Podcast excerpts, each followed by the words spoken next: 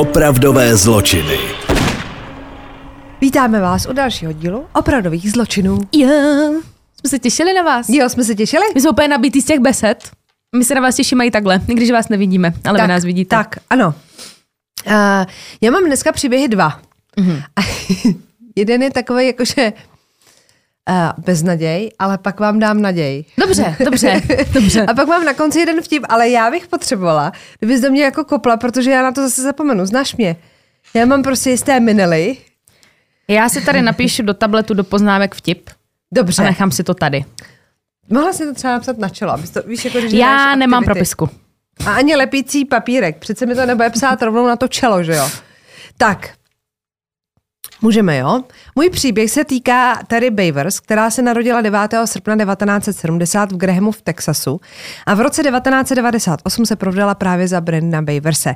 A Pár spolu měl tři děti, všechno to byly dcery a těm bylo v době, o který já teď budu vyprávět, 8, 13 a 15 let. Byl Mhm. to rok 2016, to znamená, můžeme si to dopočítat, ale nemusíme, protože to stejně Ne. nespočítáme správně, takže to nechme ležet. 18. dubna 2016 vyrazila na hodinu fitness, kterou měla výst. Ona si dlouho přála být jako fitness trenérkou, nebo já nevím, jestli fitness je to správný slovo, jo. Mně to spíš vyznívalo jako takovej ten jako kemp, kde na tebe někdo jako strašně řve a ty u toho zemřeš. Takový ty Prostě. No ještě možná horší. Ona, oni si jako Crossfit, říkali jako crossfit. gladiátor, což už jako samo o sobě za mě zní tak lážo plážo jako třeba yoga. Takže já si prostě představuju, že ona nad něma stojí a strašně na ně řve. Jo, Bude ale nějaký crossfitek, no. bude to prostě brutál. No a ona teda se chtěla stát tou trenérkou, což se jí splnilo v roce 2014 a stala se uh, trenérkou v rámci Gladiator Campu. Um, je vtipný, že oni, nebo vtipný, oni říkali misi, Mhm. Když se jmenovala Terry. A teď jako, když si řekne to misi, tak si řekneš, jo, tak to bude taková jako křehká princeznička. Takhle, ona teda byla jako hubeňoučká, jo. Ale uh, Namakaná. No, no, jako byly to jako sva, svaly, ale nebyla jako, že by zvedala jako těžký váhy. Spíš jako podle mě hodně běhala a, a ještě jak byla blondýnka, tak to prostě jako podpořilo to jako, že misi, no ale pak samozřejmě, když na tebe zařvala, tak si myslím, že si nechtěla, jako jo. No a ona ty svoje venkovní hodiny, protože měla jakoby různý um, jakoby lekce pro ty lidi z toho kempu, mi se mé vybavuje vždycky, když se bavíme o tomhle, uh, ženy sobě. Viděla jsi ženy sobě? Jak je to o tom, jak ona jde na svatbu té kamarádce, Ne, jak ne, se ne. podělá v těch šatech. Ty jsi neviděla ženy sobě? ne, Barb, ne, ne. ne, ne, ne. Ti do háje. Vy, viděli jste prosím vás ženy sobě? To je Počkej, nejlepší nejím čas, ať můžu to je, odpovědět. počkej, to je nejlepší komedie všech dob. Fakt? Jako ever. Ever. Fredka se tam pokadí ve svatebních šatech na ulici. Keca, No jasně. Ježišmarja, vůbec A hraje nevím. tam hlavně, no taková ta, uh, hrála Gilmorovi děvčata známe, ne? Ano. No, a hlavně kluci budou znát Gilmorovi děvčata. No. Tak ta herečka z Gilmorových děvčat, co hrála tu kuchařku, Suki, Melisa. Melissa McCarthy, strašně vtipná frérka. A ona tam hraje sestru ženicha. A je taková jako ostřejší, takže třeba si koupí, oni dostávají na zástupní večírku třeba štěňata retrievera a ona jich třeba ukradne sedm, protože jako potřebuje.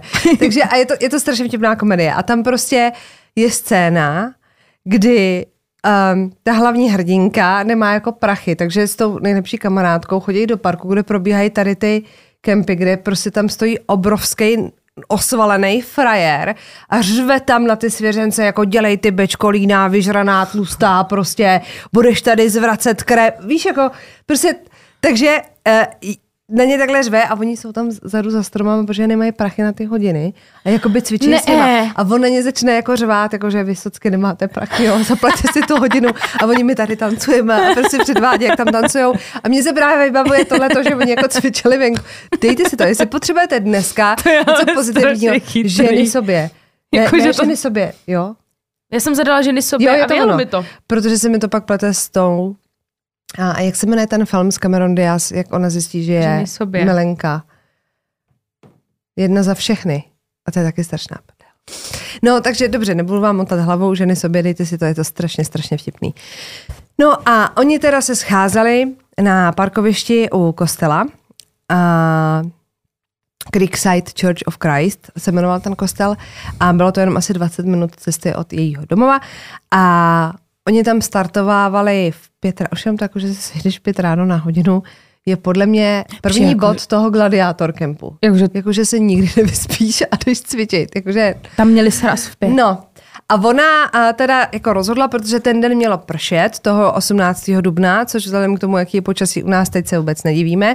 No a ona teda zavolala žádný flákání, budeme cvičit uvnitř toho kostela. Nevím, jak to jako přesně fungovalo, jestli byl třeba odsvěcený nebo jí ho půjčili, tak cvičit to můžete, když nejste třeba křesťaní, že jo, to je jedno, prostě. A, ale myslím si, že slovo Ježíši Kriste by tam zaznělo jako hodněkrát v tom kostele. No a ona napsala na Facebook, že měli nějakou jako skupinu a ona to napsala i na svůj Facebook, jako že se jako nevzdají, že žádná flákačka. To je takový to, jako že doufá, že prší a zítra se to zruší. Já bych byla ta první, prostě. která by doufala, že Já se si, to pamatuju, já zruší. si pamatuju, když jsme závodili uh, na běžkách a měli vždycky tréninky, třikrát, čtyřikrát týdně. Tak Když pršel, tak já vždycky jako doufala. A můj táta, který nás trénoval, tak byl hrozný ráz. On je hrozně hodnej, ale tohle byl hrozný ráz. A vždycky ne, jdeme. A my vždycky doufali. No nic, takže hodina se konala a bohužel ona to teda napsala na tom Facebooku a můžeme se domnívat, že tím jako nepřispěla k situaci. Vysvětlím, jo. 18. dubna toho roku 2016 přijela po čtvrt na pět ráno na parkoviště před tím kostelem a začala z auta vynášet věci, které měla na tu hodinu jako připravený pro ty lidi a nosila je do toho kostela.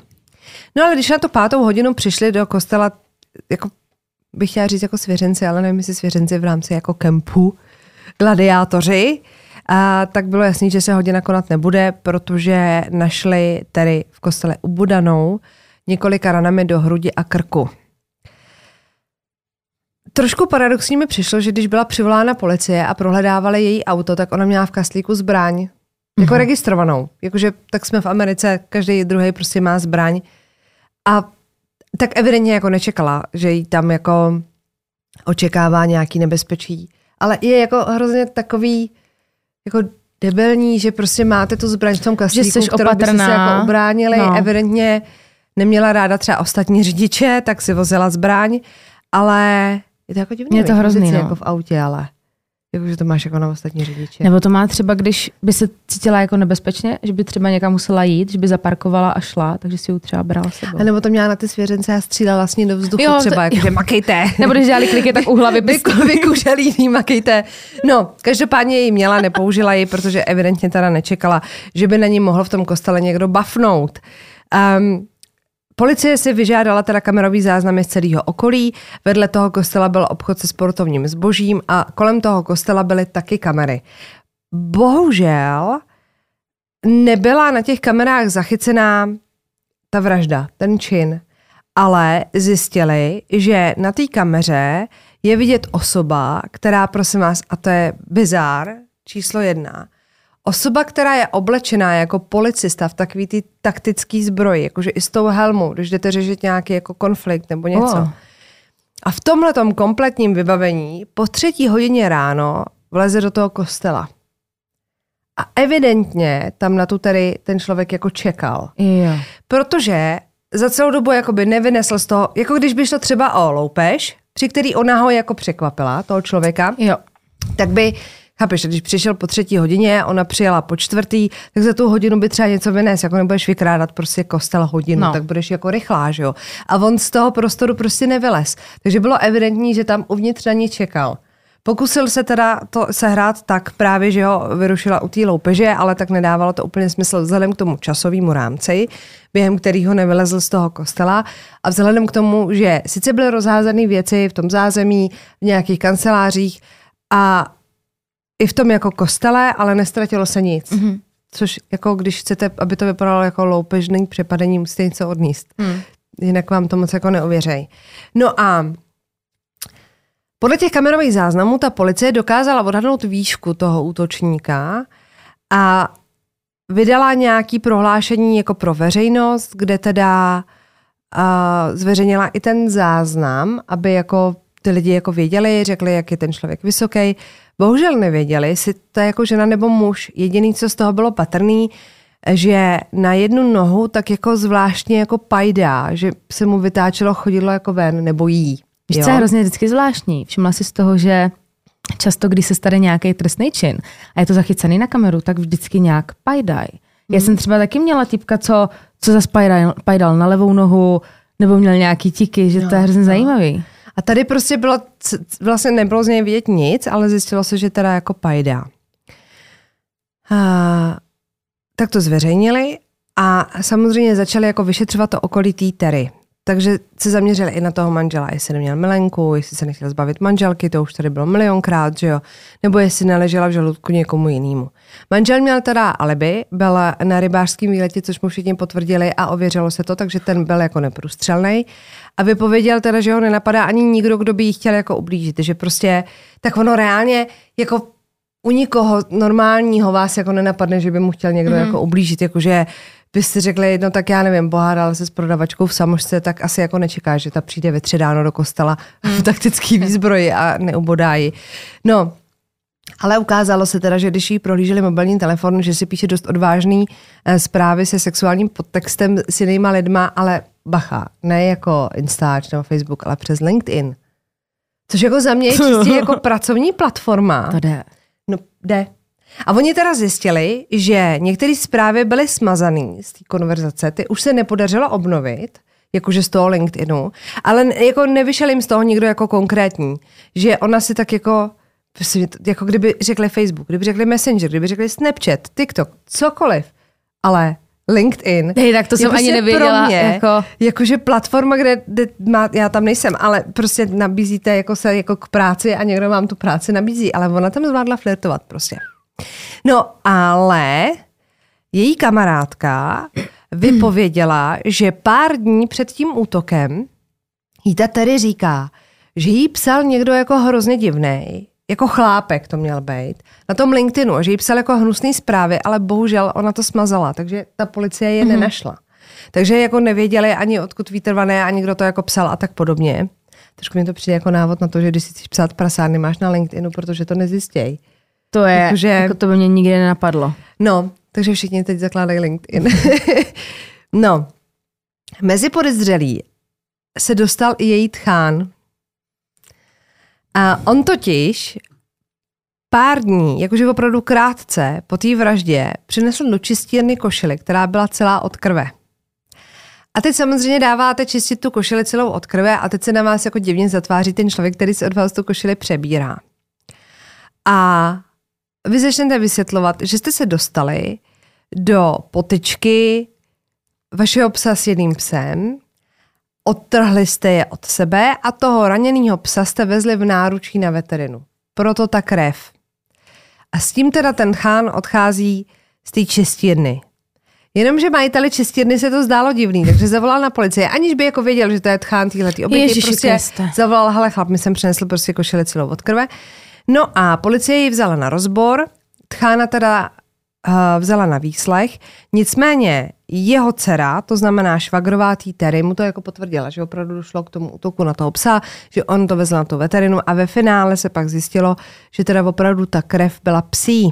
Chápeš, Takže to načasování. No. To načasování. Tchán nekecal. Ale bylo by to dobrý vraždu tchánem, jsme tady ještě neměli. No to ne, to jako, ne. Že, víš, jak, jak moc by tě ta snaha musela štvát, aby si jako zabila. No, policie pak z těch kamerových záznamů taky zjistila, že pár hodin předtím, než došlo k tomu útoku na Terry, tak eh, projíždělo několikrát eh, pomalu kolem kostela auto a zjistili to ze záběru z kamer uh, u toho sportovního obchodu, co bylo jako vedle mm-hmm. toho kostela. A že projíždělo hodně pomalu a pak dokonce zastavilo chvíli na parkovišti a mělo zasnutý světla a několik minut seděl ten člověk v tom autě. Mm-hmm. Nevylez. Nevěděli, kdo to je. Zveřejnili teda informace o tom, že hledají Nissan Altima z let 2010 až 2012. Neměli SPZ, evidentně. Majitel se ale nikdy nenašel. A na seznamu podezřelých se jednu chvíli objevil taky bývalý policista. Prostě Jmenuje se Bobby Wayne Henry, který měl pořád doma, on už byl jako ve výslužbě, ale měl pořád doma tu taktickou uniformu. A výrazně kulhal. Ale Když teda ho začali vyšetřovat, tak zjistili, že je moc velký na to, aby odpovídal tomu útočníkovi podle záznamu z těch Jo. kamer. No a oni přivolali na pomoc, protože nevěděli už kudy kam. A podiatra. Víte, kde je podiatr? Já jsem to slyšela Ne. po první životě. Pediatr je ten, co řeší děti, že jo? Léčí, to je jako dětský, No. lé, dětský lékař, jsem chtěla říct. Tak podiatr je, přátelé, člověk, který se zaměřuje na tu chůzi. Jakože odborník na chůzi, nohy a tak. To jsem třeba by se viděla. existuje. Podiatr, to je maze. To je něco pro fetišisty, co máš, jako když jsi třeba uchyl na nohy, tak budeš dělat podiatra. No, nicméně, oni se s ním teda radili, jestli by aspoň podle té chůze nebyl schopný jako jim říct, jestli je na tom záznamu žena nebo muž. Mhm. A bohužel. No. Já si trošku myslím, že to šmajdáníčko mu to trošku zkomplikovalo.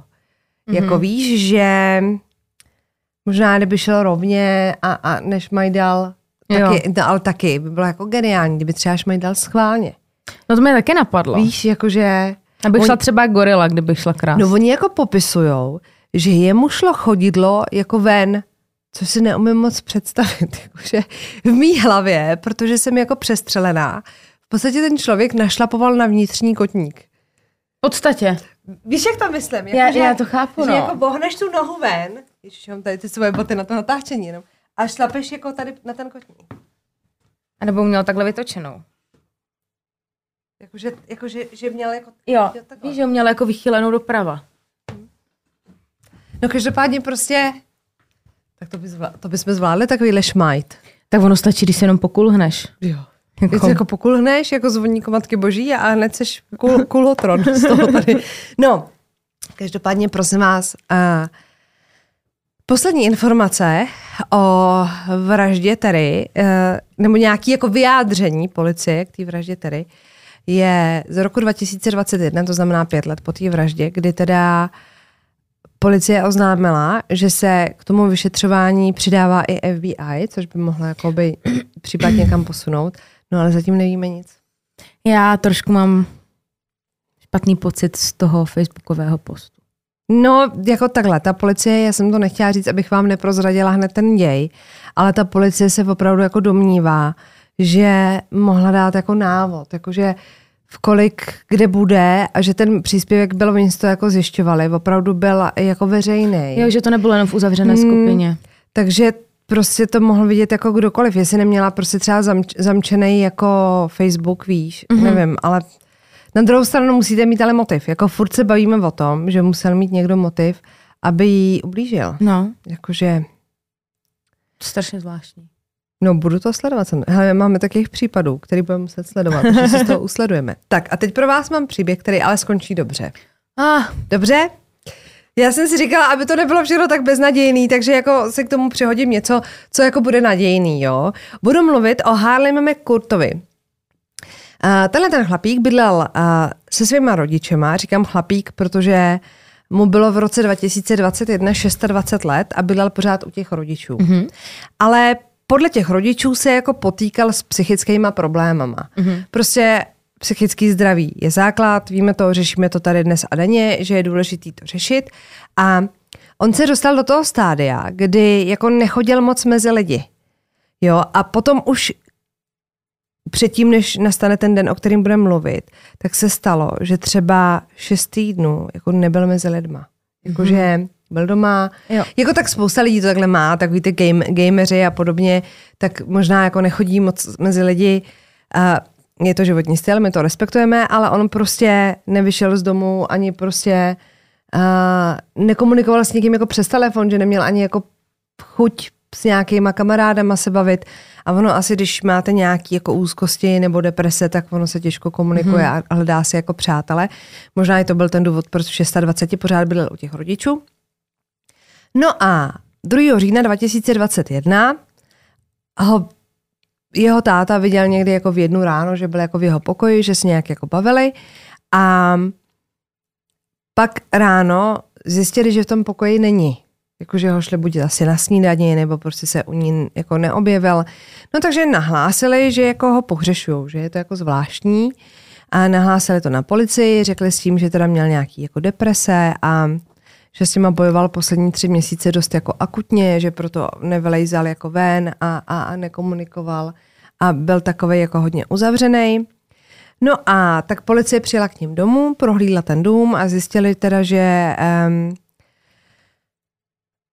Což bylo hrozně jako zvláštní, že v tom pokoji byly jeho léky, který bral, osobní věci, to znamená kartáček, taky to, co používáte denně, a dokonce i jeho telefon. Mm-hmm. Což jako když utíkáte z domu, tak, tak si vezmete vezmeš. aspoň ten telefon, nebo prostě uh, nějaký doklady a podobně. Jediný, co chybělo, a to nikdo nedokázal pochopit, chyběla uh, jedna bota. Nějaký černý tenisky a chyběla jedna. Mm. Nikdo to nechápal. Takže ta rodina uh, se semkla s tím okolím, protože v tom Landmerku byly lidi taková jako malá komunita, takže všichni jako pomáhali hledat a prohledávali uh, to sousedství. Ty rodiče měli samozřejmě strach, protože že byl psychicky nemocný, že se mohl něco udělat. K tomu jakoby nepovídalo i to, že si nevzal ty osobní věci, což mm-hmm. normálně by si jako vzal, protože by je potřeboval. Takže po něm pátrali, hledali ho a nic prostě jako kdyby dělal puf. Mm-hmm. Takže ta rodina už potom po nějaký době, kdy nebyly žádné stopy, nikdo ho neviděl, tak eh, se rozhodla vyhlásit odměnu 10 tisíc dolarů za jakýkoliv informace o tom synovi, ale nic. A my se dostaneme o dva roky dál, to znamená do letošního roku, kdy policista v Texasu, Galvestonu, Zastaví chlapíka, který jde jako podél silnice, jde jako v protisměru a vypadá tak jako zvláštně, takže se rozhodne, že ho jako identifikuje. A zjistili, že to je dva roky hledaný Harley McCourt. Cože? A teď nastala situace, kdy on ho zastavil, jenom ho identifikoval, prostě, že, nebo legitimoval, že chtěl jako vidět, co je zač. Ale protože už mu bylo jako 28, byl jako dospělej, tak ty ho nemůžeš jako zbalit. On nic neproved, takže mm. on ho nemohl ten policista zbalit a zavřít prostě uh, do vazby. Takže ta policie aspoň to teda udělala, že dala vědět té rodině, že on teda žije, že ho jako legitimovali tady a tady. Takže jeho máma s jeho ségrou sedli do auta a jeli sedm hodin do Texasu a tam začali prohledávat prostě to okolí toho místa, kde ho zastavila ta policie. A nakonec přišli k nějaký pláži v tom Galvestonu a viděli chlapíka, který se mu podobal. Měl na sobě teda a roušku, měl i nějaký jako brýle a deštník a tak si říkal, jako jestli to on. A on na ně sám zavolal. Jakože, jakože dva roky prostě jako postrádáš syna jsi připravená na to nejhorší, protože tyhle věci se hold jako dějou a děje se jich spousta. Už jsme jako řešili, tak on není jako dítě, ale že třeba jen 2% pohřešovaných dětí se jako v té Americe jako vrátí domů. Tohle není sice dítě, ale zase byl jako psychicky nemocný, mm-hmm. takže samozřejmě tam byla velká možnost, že si sám vzal život a nejenom když po té pláži on na tebe zavolá. Mm-mm. To by se mnou šlehlo úplně. Takže oni si jako objímali, zbalili ho, odvezli ho jako domů, ona mu jako nakoupila oblečení a všechno. No ale samozřejmě ta policie se ho jako ptala, co se teda dělo. To zajímá nás všechny. Protože ty si jako zdrhnul, kde jsi jako byl, co jsi jako dělal, tak prosím vás. Fred přišel a řekl, že si to nepamatuje. Že si uplynulý skoro dva roky vůbec nepamatuje. Kde spál, za co žil, no, co jedl? Takže vůbec nevíme. On teda řekl, že uh, doufá, že Oni mu teď nasazují nějakou léčbu, odvezli ho do centra pro psychicky nemocný lidi, aby s ním tam pracovali, dali ho dohromady a on teda doufá, nebo sám jako řekl, že doufá, že ta léčba zapříční, že si jako vzpomene.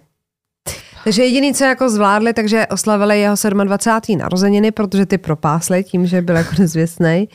No a on teda je v nemocnici někde v Arkansasu a tam teda podstupuje jako léčbu podle rodiny dělá pokroky, ale prostě neví. Takže prostě dva roky někde byl a neví. To je neskutečný, ale. No. A vtipný je, že uh, ta rodina teď jakoby vydávala prohlášení, kde jako říkala, hele, prostě jako když už ztrácíte naději, vždycky tady nějaká jako je. A evidentně. Tak oni dva, dva roky, to je dlouhá doba, to jsi fakt podle mě už připravená na nejhorší. No. Tak Ježíš, to je super, našel. že jsme skončili tak Takže hezky. jsme to trošku zachránili aspoň. A prostě ten tvůj vtip, Chci říct na začátek, jakože nakonec. nakonec, ne? Dobře, No, já jenom, že si to furt pamatuju. Je dobrá. Tak jo, Tak jo, takže prohoz. jo. Tak za chvilku čau.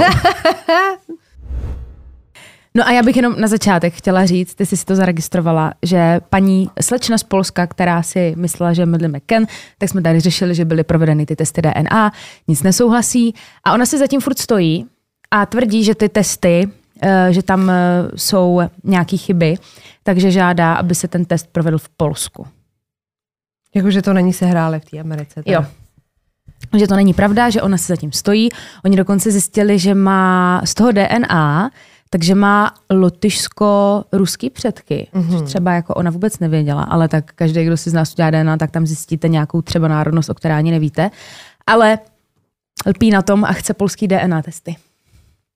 Hele, ona bude nějaká divná. Já, jako už jsme to tady řešili na, několikrát, když to celý začalo ta kauza a řešili jsme, no tak snad na tom nebude chtít vydělat. Minule jsme říkali, nebo předminule, že sbírá prachy na Ano. psychický zdraví a jídlo.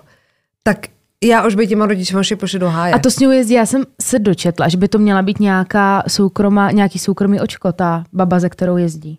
Ta baba, jaký natáčí, jak tam hraje Jako, na to piano, jo. To je to strašně je? divný. Co to jakože je, jako? Soukromý očko, ale je trošku creepy to soukromý A udělal očko. si dobrou reklamu, jako zase. No. Celý svět o ní ví.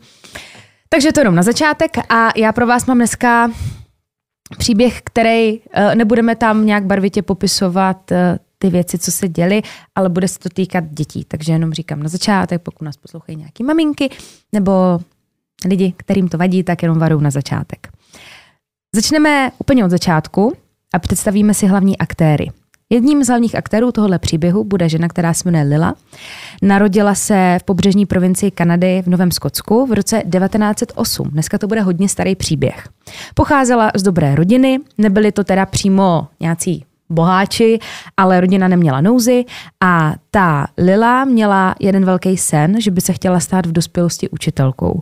Ona milovala Děti do toho byla celkem chytrá a tady ten sen měla už od dětství a držel ji až do její dospělosti, takže se není čemu divit, že až byla větší, tak se přihlásila na školu, na pedagogickou školu, tam ji přijali a začala studovat. A během těch studií na té škole potkala Williama Younga, což je druhý důležitý člen tady To tohohle- na, po- na Já jsem to dala na podepření, chceš, mám ti něco najít? ne, já tam totiž mám, prosím vás, knoflíčky Jo, a dělá to aha, rachot. aha.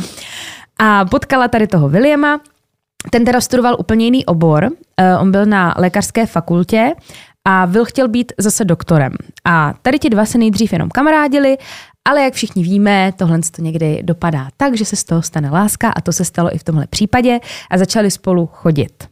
V roce 1925 se pak vzali a netrvalo dlouho a ta jejich rodina se začala rozlu, rozrůstat a celkem uh, za to své manželství a ten život měli pět dětí. Takže velká rodinka.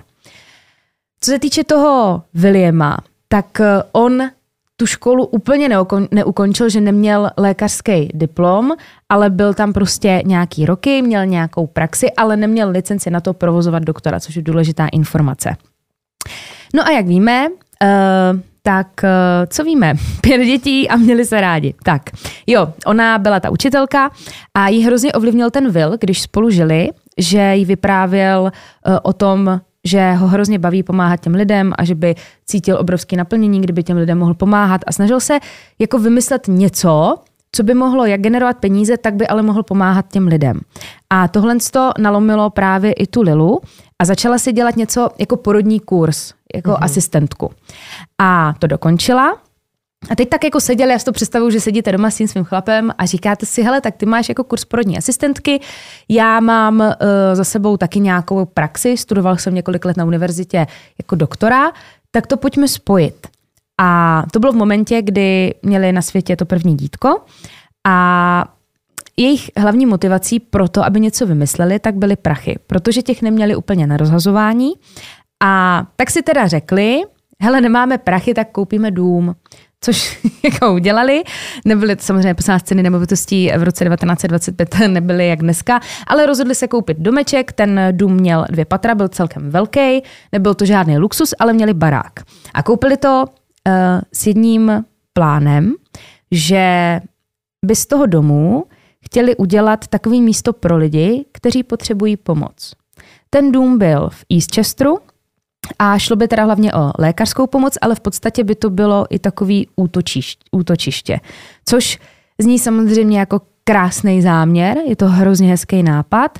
A té Lile došlo, hele jasně, pomáhat lidem, dobrý, tíživý situace, ale já mám kurz porodní asistentky a co to vést tady touhle s tou cestou? A vymysleli uh, takový plán, protože si uvědomovali, že v jejich okolí byl nedostatek porodní péče a oni by tím zalepili díl, díru na trhu.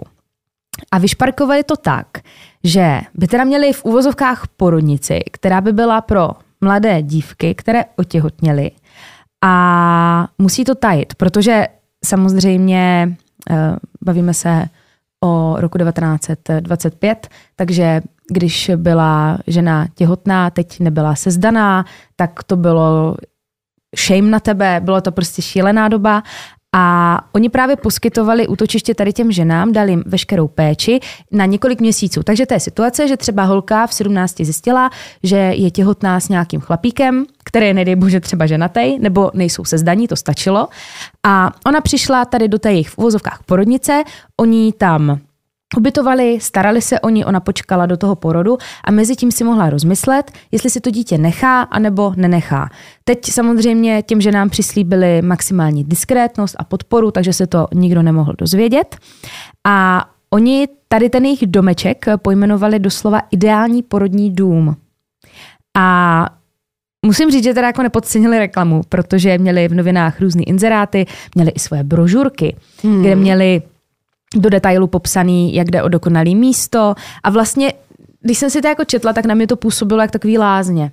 Že se tam prostě dáš dokupy, budeš tam mít kamarádky, o dítě bude postaraný i po tom porodu, kdyby se rozhodla si to dítě nechat, tak tam s tím dítětem můžeš žít tak dlouho chceš, prostě to zní jako rajská zahrada.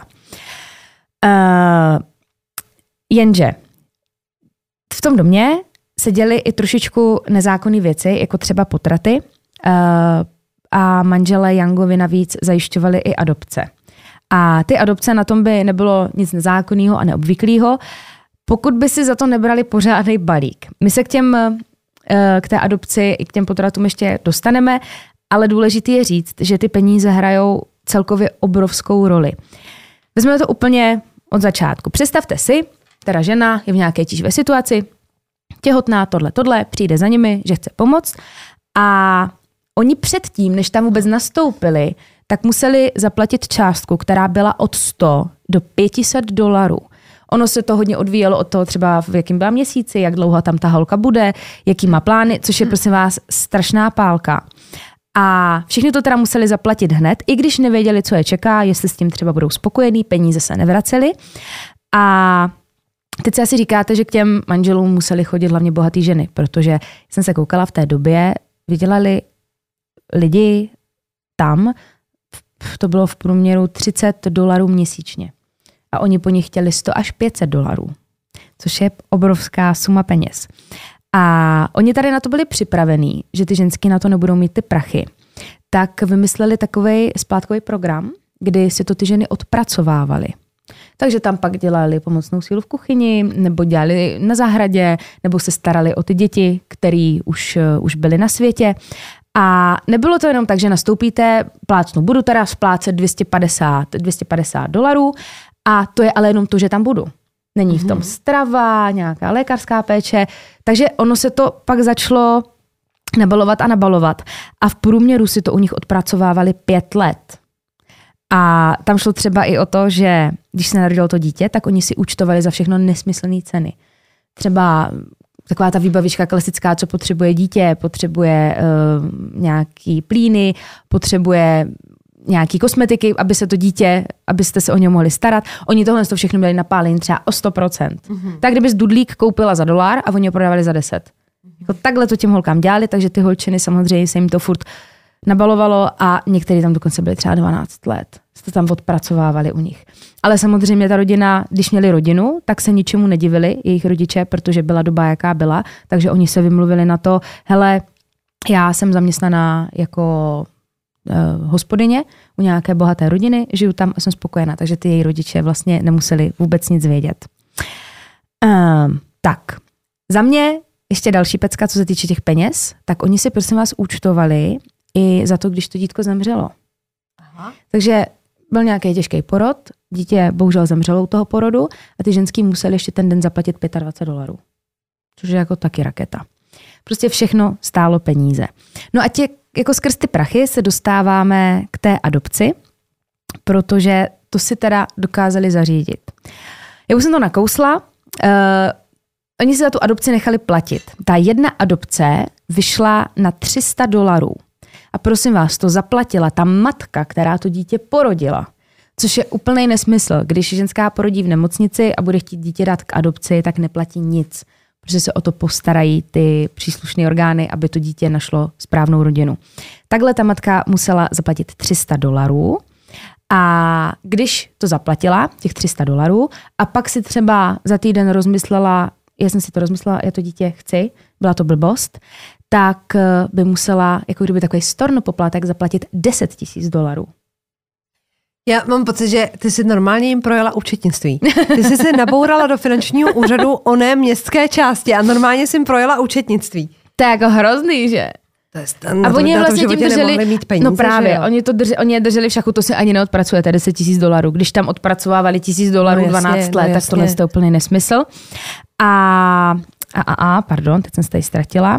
No a když jsme u té adopce, tak tady mám jeden konkrétní příběh jedné z pacientek, která do té porodnice přišla.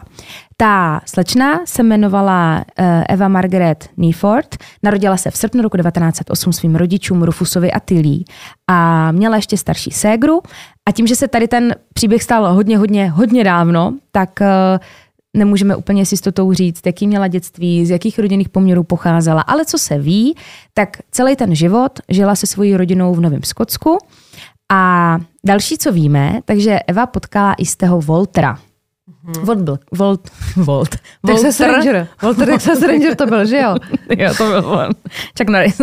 Walter byl v podstatě ve stejném věku jako ona, byl to mladý kluk, začali spolu randit a byl z toho nakonec oficiální vztah, začali si plánovat nějakou budoucnost, dokonce i tu svatbu v budoucnu nějak plánovali, jenže Eva zjistila, že je těhotná. Ajaj. A nebyli se zdaní. Takže bobu, rodiče by jako ono je to tak strašný a doufám, že se to neděje skoro vůbec už v dnešní době, ale že by ji fakt vyhodili na ulici ty rodiče, kdyby zjistili, že čeká dítě a není vdaná.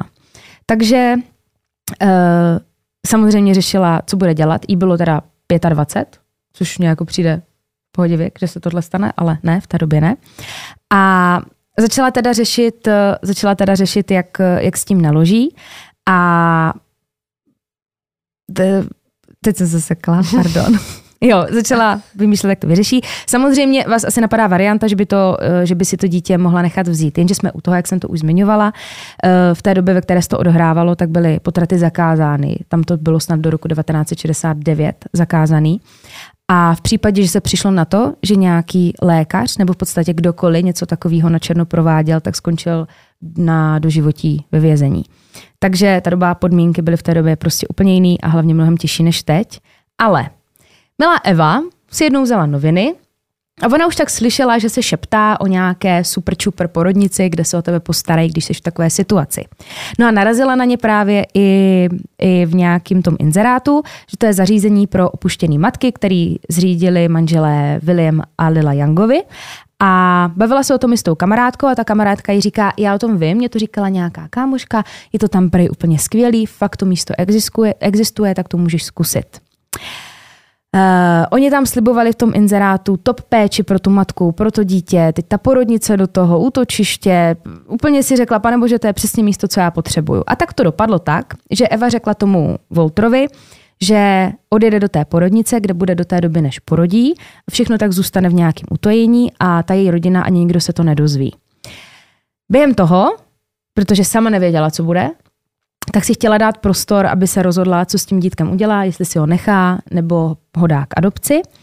A jediný, kdo o tom věděl, tak byl ten Walter. Doprovodili přímo do té porodnice, tam se s ní rozloučil a nechal jí tam. Přesně tohle je ten případ, kdy ta Eva té své rodině řekla, že jela někam pracovat do nějaké bohaté rodiny jako služebná. Všechno na začátku vypadalo úžasně, té eh, Evě všechno vysvětlili, ukázali jí postel, společně tam s ním byly další matky. Každopádně všechno se zvetlo zhruba za týden, kdy Eva dostala silnou infekci a nebyla schopná vstát ani z postele a byla doslova připoutaná na lůžko až do té doby, než eh, došlo k porodu. Ten porod nastal v lednu roku 1936 a byla to pro tu Evu další obrovská zkouška, protože to bylo strašně náročný.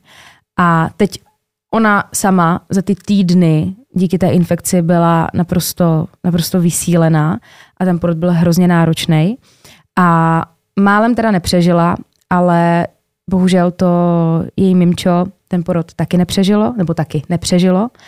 A ani po tom porodu ta Eva neměla vyhráno, protože ztratila spoustu krve, byla v strašném stavu a čekali fakt doslova boj o život. A mezi tím, když byla fakt už na smrtelné posteli v podstatě, oni si byli vědomi toho, že už jí nezbývá moc času, tak napsali eh, z té porodnice dopis tomu Voltrovi, tomu jejímu partnerovi, s tím, že to mrzí, ale že její dítě zemřelo a jeho přítelkyně teď bojuje o život. A protože Volter je slušný kluk, tak eh, se okamžitě rozjel do té porodnice, a chtěli být na blízku, aby byl s ní a chtěl hlavně zjistit, jak na tom je, co potřebuje, co má zaplatit. No a on teda přijel a nastal celkem šok, protože se vyptával na různé detaily na ten její vztah a stav a bylo mu řečeno, že v podstatě neléčí žádnými léky. A on říká, ale ona má infekci, tak to snad nějaký jako antibiotika, nejsem doktor, ale tak jako laicky bych jí nasadil antibiotika. A oni řekli, že nemají, jakože smůla, že nemají antibiotika a že nikdy neměli a nikdy mít jako nebudou, že to nějak zvládnou. A teď ten samozřejmě byl úplně rozčílený a naštvaný a pak ta perlička přišla v momentě, kdy on se začal hádat s tím Williamem, Uh, a on ho jako osočoval z toho, že vůbec neví, co dělá ten William, že to je doktor na prd a podobně a podobně. A do toho vkročila jako Lila a říká, prosím vás, já vás nerada ruším, tady máte účet 25 dolarů uh, za pohřeb vašeho dítěte. A ten teda, pane bože, fajn, šel s nima do kanceláře, zaplatili uh, těch 25 dolarů a říká, fajn, tak já jsem vám všechno zaplatil, ale já bych chtěl vidět svoji přítelkyni, já bych chtěl jít za tou Evou. No a oni mu řekli, že už skončily návštěvní hodiny, takže ji nemůže vidět. Bohužel Volter už nikdy Evu neviděl, protože přesně za dva dny zemřela. Ta Eva musela zažít hrozný peklo, protože později vyplavalo na povrch, že se týče porodní asistentky Lile, nebo mám sklonit, tak eh, když byla u porodu, tak se o ní říkalo, že je strašně zlá a některé ženy dokonce měly pocit, že nemá páru co dělá, že když nastal nějaký problém, tak místo toho, aby ho začala řešit nebo přivolala doktora, tak se začala modlit. Jo, Víš, jako, že tam třeba krvácí jo. ženská, má seklý dítě v sobě a ona místo toho, aby nějak začala fungovat, tak se modlila. Takže No, uznejme sami, že tohle to všechno prostě bylo celý nějaký zvláštní. Jo? Žádný léky, dítě zemře, zapární matka, nikdo ji nemůže vidět. Je to prostě divný. A hlavně hodně divný a děsivý to začne být v momentě, až vám řeknu, jak probíhaly ty adopce tady v tom domě. Jak už víme, matka zaplatí 300 dolarů, aby mohla jít. Když zaplatíš těch 300 dolarů, tak o tom dítěti už nikdy neuslyšíš a propustí tě i ta nemocnice. Protože kdybys to nezaplatila, tak tam musíš zůstat a musíš makat. A ti manželé Yangovi byli celkem hodně brzo známí tím, že poskytovali adopci a tak k ním chodilo hodně rodičů, dojížděli dokonce i z Ameriky kteří chtěli, eh, kteří chtěli dítě. A po, po nějakém čase z toho byl teda pořádný biznis, v podstatě bez námahy. Ta nová rodina totiž, která si přišla pro to dítě, tak zaplatili v přepočtu 800 až 1000 dolarů za to jedno dítě. Nikoho v té nemocnici nezajímalo, co je to za lidi, jak žijou, jestli jsou schopni se o to dítě postarat. Prostě v podstatě, jakmile přišel chlapík a měl sebou obálku s prachama, tak je nic nezajímalo a to dítě mu dali. Oni dokonce pak využívali i to, že tam jezdili uprchlíci a chtěli adoptovat židovský děti, který on bude znít blbě, ne, že jako nikde nebyli, ale v dětských domech prostě nebyly židovský děti, protože se bavíme o době, jaké se bavíme. A oni normálně nakecávali, že oni, oni to prodávali jak produkt, mě přijde ty děti. Oni normálně to postavili na tom, jako reklama, hele, my tady máme dostatek zásob židovských dětí, což nebyla vůbec pravda, byly to děti a nebyl, neměli žádný židovský původ. Prostě to byly klasické jako děti. A oni si to vymýšleli a samozřejmě za židovský dítě byl příplatek. Takže na tom zase sypali. A, a, a, a, a nejhorší na tom bylo třeba i to, že když tam přišla nějaká rodina, tak oni jim ukázali ty matky, které ještě neporodily. A kdyby tam třeba byla hezká holka, že já bych třeba chtěla blondýnku s modrýma očima, aby se narodila, tak oni tam viděli nějakou hezkou štíhlou blondýnku s modrýma očima a řekli, my to dítě chceme. Aniž by to té matce řekli, ona se ho třeba chtěla nechat. A oni udělali to, že ona porodila a oni pak řekli, že to dítě umřelo. A tak. Ale samozřejmě nastal moment, kdy tam nějaký děti zůstávaly, že je nikdo nechtěl. A ty manželé se, a ten jejich celý uh, tým zaměstnanců se o ně museli starat, což samozřejmě znamenalo výdaje. A tak teda přišlo to nejhorší možné řešení. Oni se rozhodli, že děti, které mají nějakou vadu nebo i drobné nedokonalosti, uh, tak se rozhodli, že se jich prostě zbaví.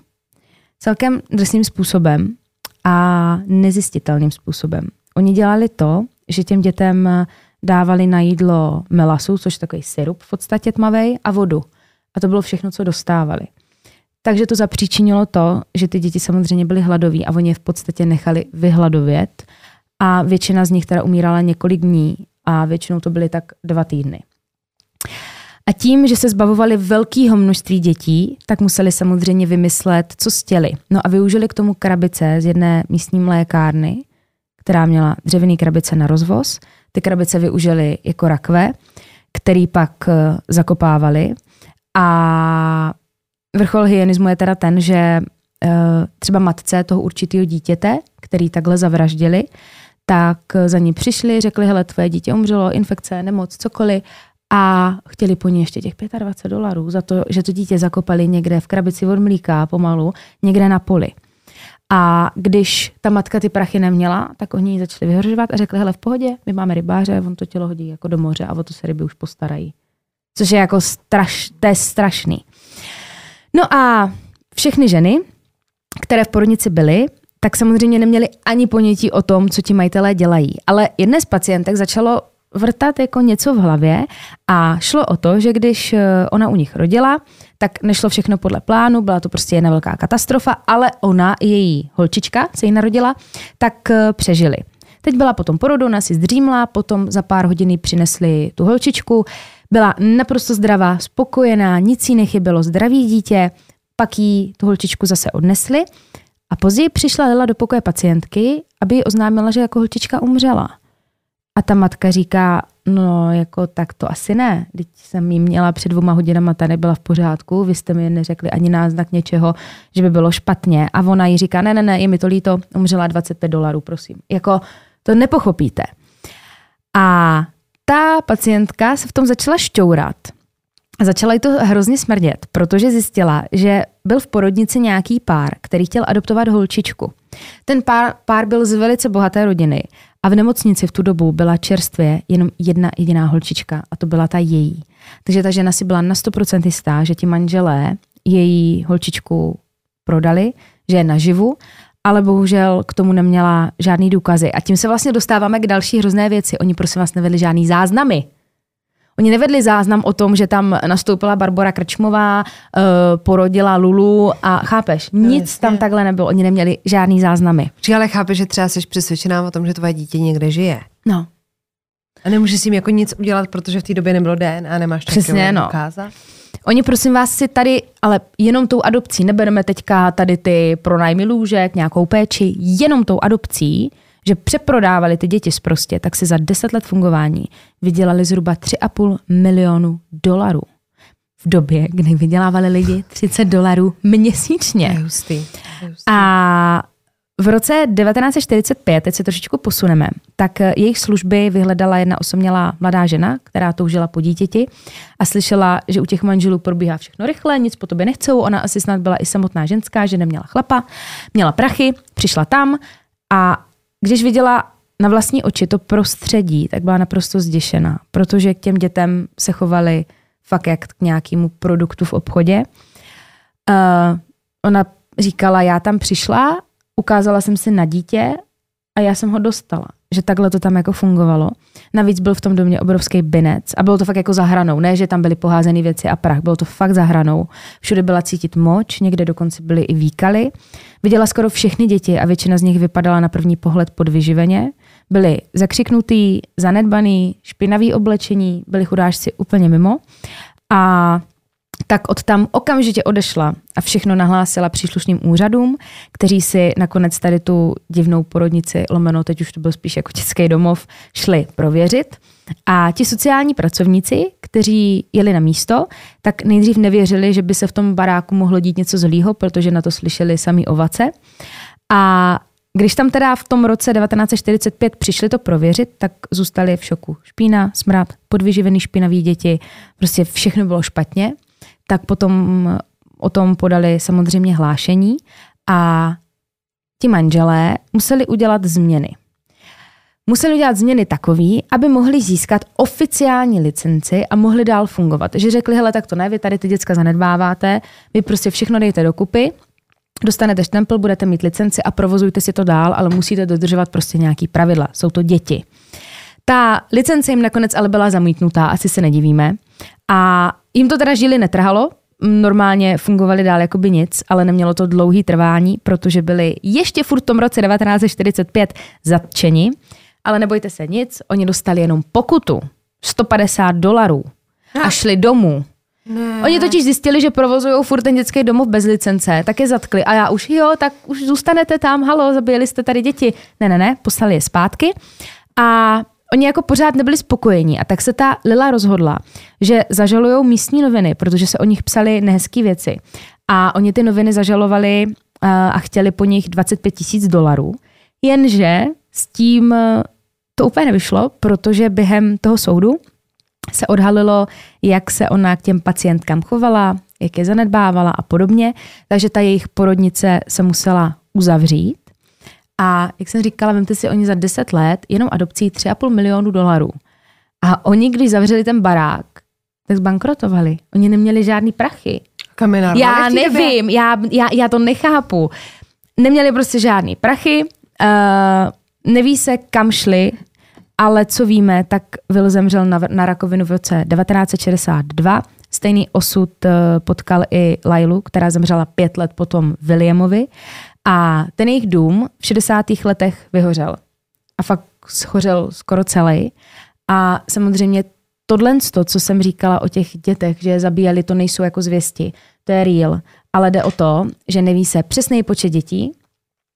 Teď je samozřejmě problém i v tom, že nevedli žádný záznamy a oni se našli opravdu ty děti v těch uh, dřevěných krabicích z té mlíkárny. Opravdu se našli jako zakopaný, oni zakopávali na poli nebo na hřbitově ale tím, že neumřeli žádnou násilnou v uvozovkách smrti, že třeba nebyli udušený nebo pobodaní, tak vlastně jenom vyhladověli, tak to nezjistili, hmm. na, na jakou příčinu smrti vlastně umřeli. A vypovídal pak jejich udržbář Glenn, který tvrdí, že 120 dětí zakopali na poli a bylo to, byly to všechny děti, jenom které se neudali v tom adopčním řízení. A taky se podělil o historku, že někdy dětí bylo tolik, že nestíhali pohřbívat a ty jejich těla byly pohozená v kotelně v tom baráku několik dní. Takže teď je Glenn chytrej. A kdy byl těch deset let? Já jako, nevím. jako nezlob se na mě, ale deset let koukáš na to, jak někdo takhle pohřbívá děti a jak se s zachází. Ale mě ti asi dojde, a že jako... Když už je jako po všem, tak přijdeš a řekneš, a já vám řeknu, jak to všechno bylo. Já řeknu drp. Já Nechápeš tak jako, a že by třeba šel a nahlásal to, víš, jako normální Protože člověk. není vůbec podezřelý. Že Glenn je pěkný hajzl. Protože... Já vám něco řeknu. Já vám něco řeknu. Glenn je pěkný hajzl. No to je. A vlastně je hrozně hrozný, že ti dva za to nikdy nepikali. Tak dostali 150 dolarů pokutu, že provozovali tu činnost bez licence. No a dožili se docela vysokého věku. No to jo, oni se 1908 nějak a umřeli v 60. Říká 62 a, 60, a 67 podle mě. 62 on a pět let po něm ona, ne? Jo, jo, on umřel no. v 62. takže ona v 67. Takže jí bylo 60. 1908 si říkala, aha, že se narodila? Aha, aha. No, tak jí bylo šede. To na tu dobu takže, je vysoký věk. No to je, to, to jako je. Na dnešní dobu samozřejmě ne, ale na tu dobu je. Takže tak. Jak moc musíš být pošramocený, abys tohle mohl provozovat? To jako nechápu. To prostě nepochopíš. Hmm. No ale když už jsme u těch dětí, jo, tak já jsem jenom chtěla říct, protože uh, asi vám to jako neuniklo a nechci to rozebírat nějak jako do detailů. Uh, příběh z Slovenska, to jsme asi četli a slyšeli, ne? Dvě holčiny, prosím vás, na základní škole v Banské Bystrici nalili spolužačce do lahve s vodou savo. Ne, Jakože for. to mě jako minulo. A holčička teda skončila v nemocnici a policie se za mě, jako řekla, že prověřuje tři spolužačky a údajně teda šikanovala i jiný děti v té škole. A tohle, já to prostě nechápu. Jakože, jak ti jako, tady pí, píšou, já se koukám třeba na novinky, že Orola vyšetření neprokázalo poleptání sliznice, takže by se ta holčička mohla dát nějak třeba jako dohromady, každopádně bude to dost bolestivý, vypadá se savo, halo. Kres. Takže já bych jenom jako chtěla říct, že já jsem třeba taky jako by zažila nějakým způsobem šikanu na základce, ale ne do takovéhle míry, aby se se mé zbláznili. Jakože jestli je tohle někdo schopný, tak se reálně zbláznil. Už je totálně za hranou, no. Jakože já, já jako 12-letá holčička, takže už jako nemáte v té hlavě vybydleno, že by vám bylo sedm a neviděli byste, co tam jako lejete. No. A já jako doufám, že ty rodiče je seřezali jako koně. Můžeme tady diskutovat o tom, jak jsou a nejsou dobrý dětský tresty. Nezlobte se na mě, ve chvíli, kdy vaše dítě naleje samo někomu dalšímu do lahve, tak ho musíte se řezat jako koně. A myslete si o mě, co chcete. Kdyby to udělal moje dítě, tak ho zavřu na, na měsíc doma. Bude No, mít house- bude mít house, a bude mít house arrest po zbytek svého života a se řežu ho jako koně. Protože tohle není ani trošku vtipný. No ono je hrozný, že se to nějak, mně přijde, že to že to je horší a horší. Já si, Ano. víš co, my jsme na základce dělali to, že když jsme chtěli si ty naštvat, tak jsme jako- vysypali sůl do čaje třeba. Že se ty děti to jako jsme dělali my. dál víc. A já vím, že nás poslouchá spousta mladých lidí a spousta lidí, kterým třeba ještě není 12. Víme to, píšete nám, tohle ne. Jako sorry, ale tohle ne. Jakože můžete, uh, nevím, si psát psaníčka, můžete si vynadat, můžete se poprát, neschvaluju to, ale jako to je férovka. Ale jako nalít někomu savo do pití, tak to se největší debil na světě. To je, to je fakt hnusno. A jestliže šikanujete někoho, tak jste debil na druhou. Takže Mhm. jestli nás poslouchá někdo, kdo někoho šikanuje, Tak jsi debil. tak jste debilové na druhou. Ne, to vůbec. A věřte nám, že se vám to karmicky vrátí, ty holky eh, a lidi, kteří jako šikanovali u nás, ne, podle mě na tom nejsou úplně nejlíp. Ježíš, to máš ale pravdu, že takový ti největší idioti, co takže, byli vždycky takže chytří. ano, vždycky ti největší dementi, kteří šikanovali ostatní, pak dopadli nejhůř. Takže pak, když teď máte potřebu někde někoho šikanovat, tak neskončíte dobře. A to vám říkáme my dvě. Jo. A teď ten for. No, Dobře, ať jsou úplně negativní.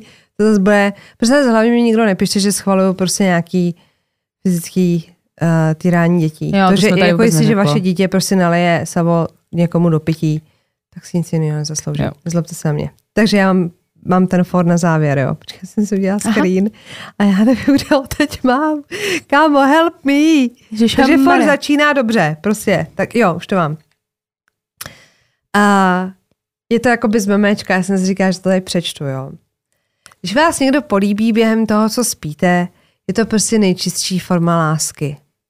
Pokud nejste sami doma, anebo pokud nejste ve vězení.